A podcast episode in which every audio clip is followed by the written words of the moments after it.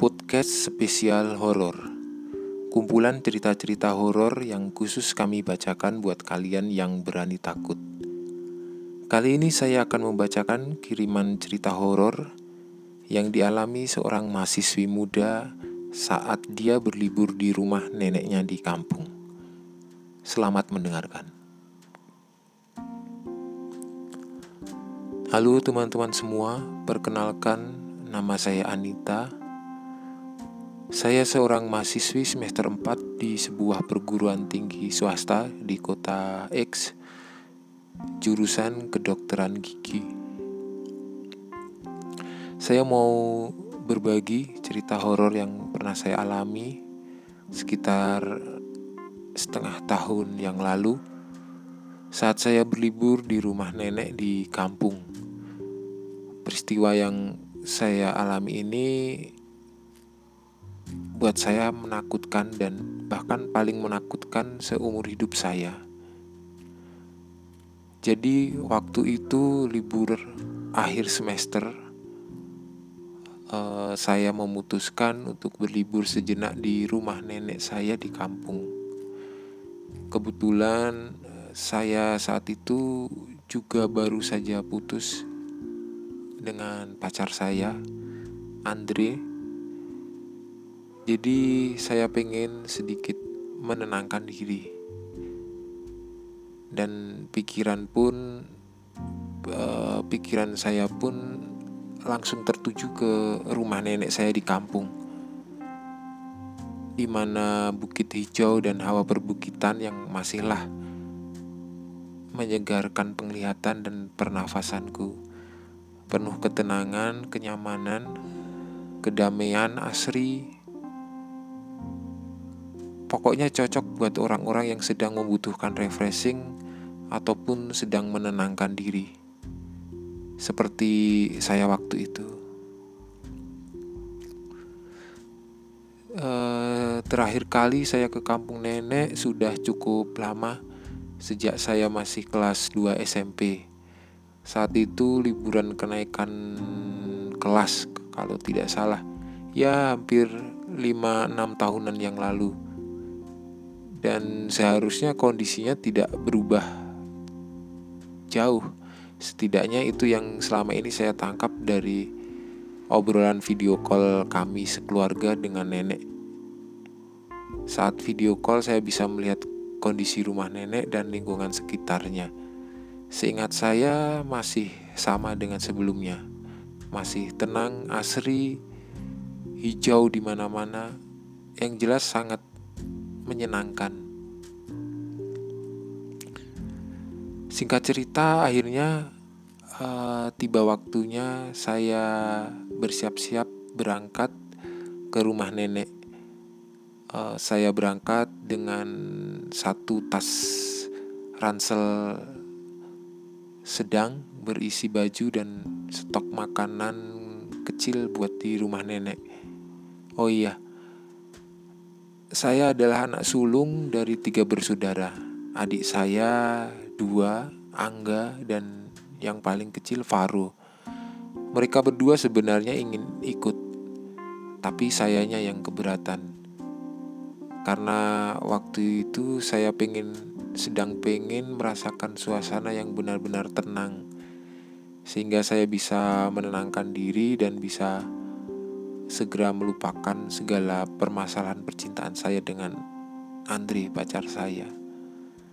Dan bagaimana mungkin itu bisa terwujud kalau kedua adik saya ikut dua-duanya lagi? Akhirnya saya tetap berangkat sendiri, naik bis. Berangkat pagi, saya sampai di terminal bis dekat kampung nenek sekitar menjelang maghrib.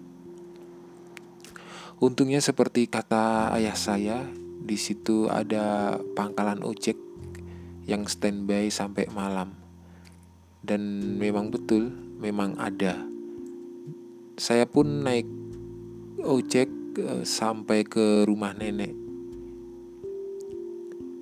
Di perjalanan, tukang ojek yang kutumpangi, uh, beliau namanya Bang Surip, beberapa kali bertanya pada saya, "Beneran, Neng, mau ke rumah itu?" Saya waktu itu heran karena dia bertanya seperti itu. Ya iyalah, Bang, kan rumah nenek saya memang di situ. Masa ke rumah lainnya? Jawab jawab saya dengan bercanda. Bukannya tertawa atau minimal tersenyum mendengar candaan saya, si tukang ojek ini malah diam dan tampaknya mengernyitkan dahinya. Akhirnya sampai juga di rumah nenek. Cahaya sudah mulai temaram karena senja mulai berubah jadi malam. Saya memberikan uang sebagai bayaran kepada Bank Surip seperti nominal yang kita sepakati dan saya tambahkan sedikit buat rezeki beliau. Bang Surip, si tukang ojek ini pun mengucapkan terima kasih dan berlalu sambil berkata lirih kepada saya sebelum pergi. Hati-hati ya, Neng uh, saya waktu itu berpikir apa-apaan ini si abang ojek pakai bilang hati-hati segala. Memangnya saya di mana? Ini kan rumah nenek saya sendiri. Aneh si tukang ojek ini. Saya ketok-ketok pagar rumah di depan saya. Inilah rumah nenek tidak ada yang berubah signifikan. Bentuknya masih seperti dulu. Rumah khas zaman dulu. Hanya sedikit sentuhan minimalis modern di bagian pagar depan. Itu pun karena direnovasi oleh ayah saya yang merasa kurang aman kalau rumah tanpa pagar seperti kondisi rumah nenek sebelumnya. Nenek, nenek, teriak saya setelah beberapa kali mengetok pagar kayu ya dengan sebutir batu kecil yang saya temukan banyak bertebaran di sekitar jalan depan rumah, tetapi tidak ada sahutan dari dalam. Setelah saya berteriak, akhirnya suara pintu rumah pun terbuka dan muncullah nenek kesayangan saya. Dengan senyumnya yang khas, Nenek membukakan pagar. Lalu saya peluk dan saya cium beliau. Kemudian kami ngobrol banyak. Yang jelas malam hari itu saya lewati dengan ngobrol-ngobrol bersama nenek, melepas kangen, melepas rindu, banyak hal yang kami obrolkan. Sampai akhirnya sekitar jam 2-an nenek menyuruh saya tidur. Seperti biasa saya tidur di kamar yang sudah disiapkan untuk saya, kamar yang selama ini menjadi langganan saya dan adik-adik saya kalau berlibur dan menginap di rumah nenek. Malam berjalan normal dan tidak ada kejadian aneh apa pun yang saya rasakan. Paginya, saya terbangun sekitar jam tujuan lumayan siang dari biasanya saya bangun ketika di rumah. Biasanya saya jam 5 atau maksimal jam 6 sudah bangun. Terbawa suasana kampung yang asri dan nyaman sekali. Meskipun sudah jam segitu, hawa pagi di kampung nenek ini masih terasa begitu segar. Angin bukit dari belakang kampung semilir sejuk dan sepoi-sepoi masuk menerobos lewat angin-angin di atas jendela kamar. Saya pun beranjak membuka jendela kamar dan wus, angin super sejuk dan super segar masuk. Benar-benar seperti surga dunia. Jauh beda dengan di rumah saya di kota. Waktu itu saya berpikir benar-benar tepat pilihan berlibur saya kali ini. Dan saya mendadak lupa dengan segala permasalahan cinta yang baru beberapa hari kemarin meluluh lantakkan hati saya. Kebetulan jendela kamar saya berdampingan dengan pemandangan di bawah bukit yang persis ada di belakang kampung nenek ini. Saya lihat tumbuhan hijau yang menghiasi hampir seluruh lingkungan kampung. Bunga-bunga berwarna-warni menjadi tambahan hiasannya, dan bermacam-macam burung berlomba-lomba bernyanyi seperti mencoba menarik perhatian saya. Saya tata bantal dan selimut saya lalu beranjak menuju pintu keluar. Saya mau merasakan sensasinya cuci muka dengan air perbukitan yang dingin menyegarkan ini, pikir saya waktu itu. Dan ternyata benar, sungguh luar biasa rasanya saat air sumur kampung yang terkumpul di bak mandi rumah nenek saya, saya pakai untuk cuci muka. Rasanya benar-benar tidak terungkapkan. Sejuk, segar, dan segala sensasi enak yang belum pernah saya rasakan selain di kampung nenek ini. Saya pun melanjutkannya dengan mandi. Lumayan dingin rasanya mandi sepagi ini. Tapi rasa sejuk mengalahkan rasa dingin. Segar. Keluar dari kamar mandi, saya lihat nenek sudah sibuk menyiapkan sarapan pagi buat kami berdua. Nenek saya memang sudah lama sejak papa saya, putra tunggal nenek satu-satunya menikah. Nenek tinggal sendiri di rumah ini. Kakek saya meninggal dunia saat papa saya kuliah.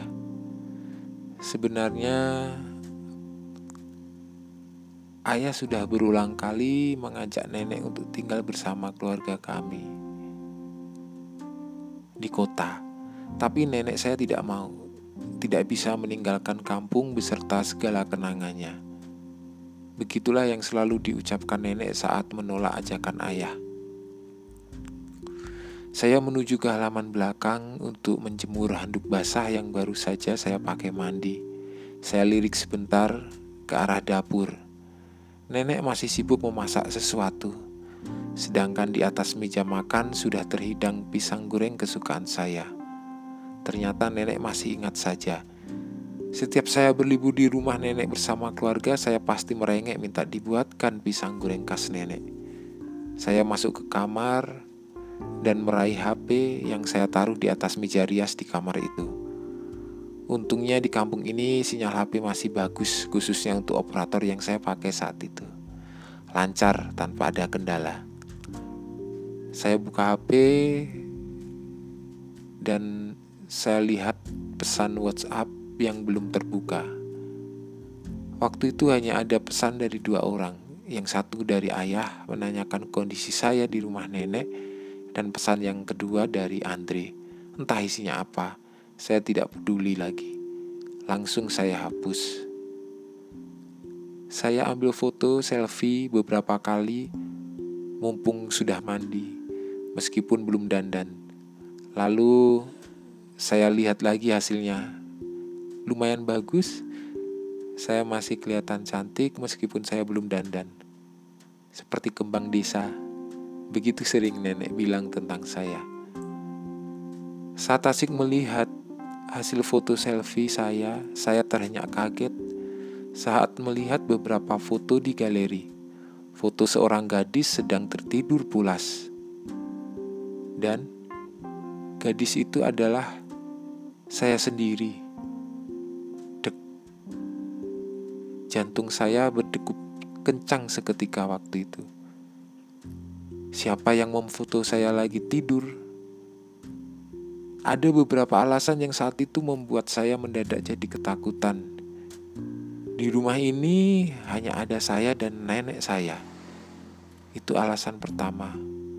Alasan kedua, saya ingat betul Kamar sudah saya kunci sebelum tidur. Alasan ketiga, HP saya terkunci. Dan selama ini hanya saya yang tahu password untuk membukanya. Mungkin Andri juga tahu selagi dia menjadi pacar saya. Karena selama ini kami saling terbuka masalah akses ke HP. Tapi dia jelas-jelas tidak di sini. Jadi siapa yang mengambil foto saya? Sambil mengumpulkan keberanian dan mencoba menenangkan diri, Saya perhatikan lebih detail foto-foto saya yang lagi tertidur. Dari hasil fotonya, sepertinya foto saya diambil dari arah jendela kamar saya. Ya, bisa saya pastikan semua foto diambil dari arah jendela kamar saya. Saya pun keluar menghampiri nenek yang sudah menunggu saya dan duduk di kursi me meja makan sambil menghirup secangkir teh hangat. Beliau menyapaku dengan senyum penuh kasih sayang dan melambaikan tangan, mengajak saya ikut duduk dan menikmati hidangan pisang goreng yang masih panas, serta secangkir teh bikinan nenek. Sini neng, duduk. Nenek sudah buatin pisang goreng kesukaan neneng. Begitulah nenek, selalu memanggil saya dengan panggilan sayang neneng, dan bukan Anita. Sejenak saya lupa kejadian barusan di kamar karena asik dan lahap menghabiskan makanan kesukaan saya ini. Setelah selesai dan nenek mulai mengajak ngobrol saya soal banyak hal, ya kuliah, ya kesehatan, ya ayah, bunda, adik-adik saya dan banyak hal, saya mulai ingat lagi kejadian di kamar barusan dan saya menceritakan semuanya secara detail ke nenek saya.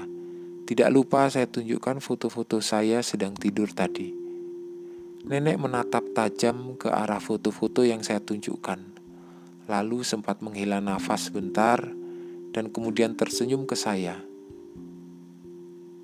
Mungkin kakakmu iseng, Neng. Saya terdiam sejenak. Masih belum paham dengan jawaban nenek barusan. Sambil mengunyah potongan pisang goreng terakhir, saya bertanya, "Maksudnya, Nek? Kakak yang mana? Kakak siapa?" Nenek merapikan piring yang sudah kosong dan beranjak menuju tempat cucian piring sambil berkata, "Ya kakakmu, dia biasa begitu, iseng dan jahil orangnya. Diemin aja, Neng." Saya kembali terdiam. Kakak saya. Saya ingat betul saya adalah anak sulung dari tiga bersaudara. Jadi saya tidak punya kakak. Kakak siapa yang dimaksud nenek? Malam harinya saya tidak bisa tenang. Saya terngiang-ngiang dengan jawaban nenek tadi pagi.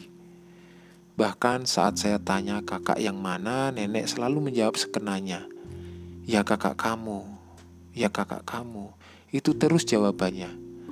Malam itu juga saya telepon ayah dan saya bertanya apakah saya punya kakak. Ayah saya menjawab dengan nada keheranan dan bilang kalau saya adalah anak sulung ayah bunda yang tertua. Jadi tidak punya kakak, punyanya adik.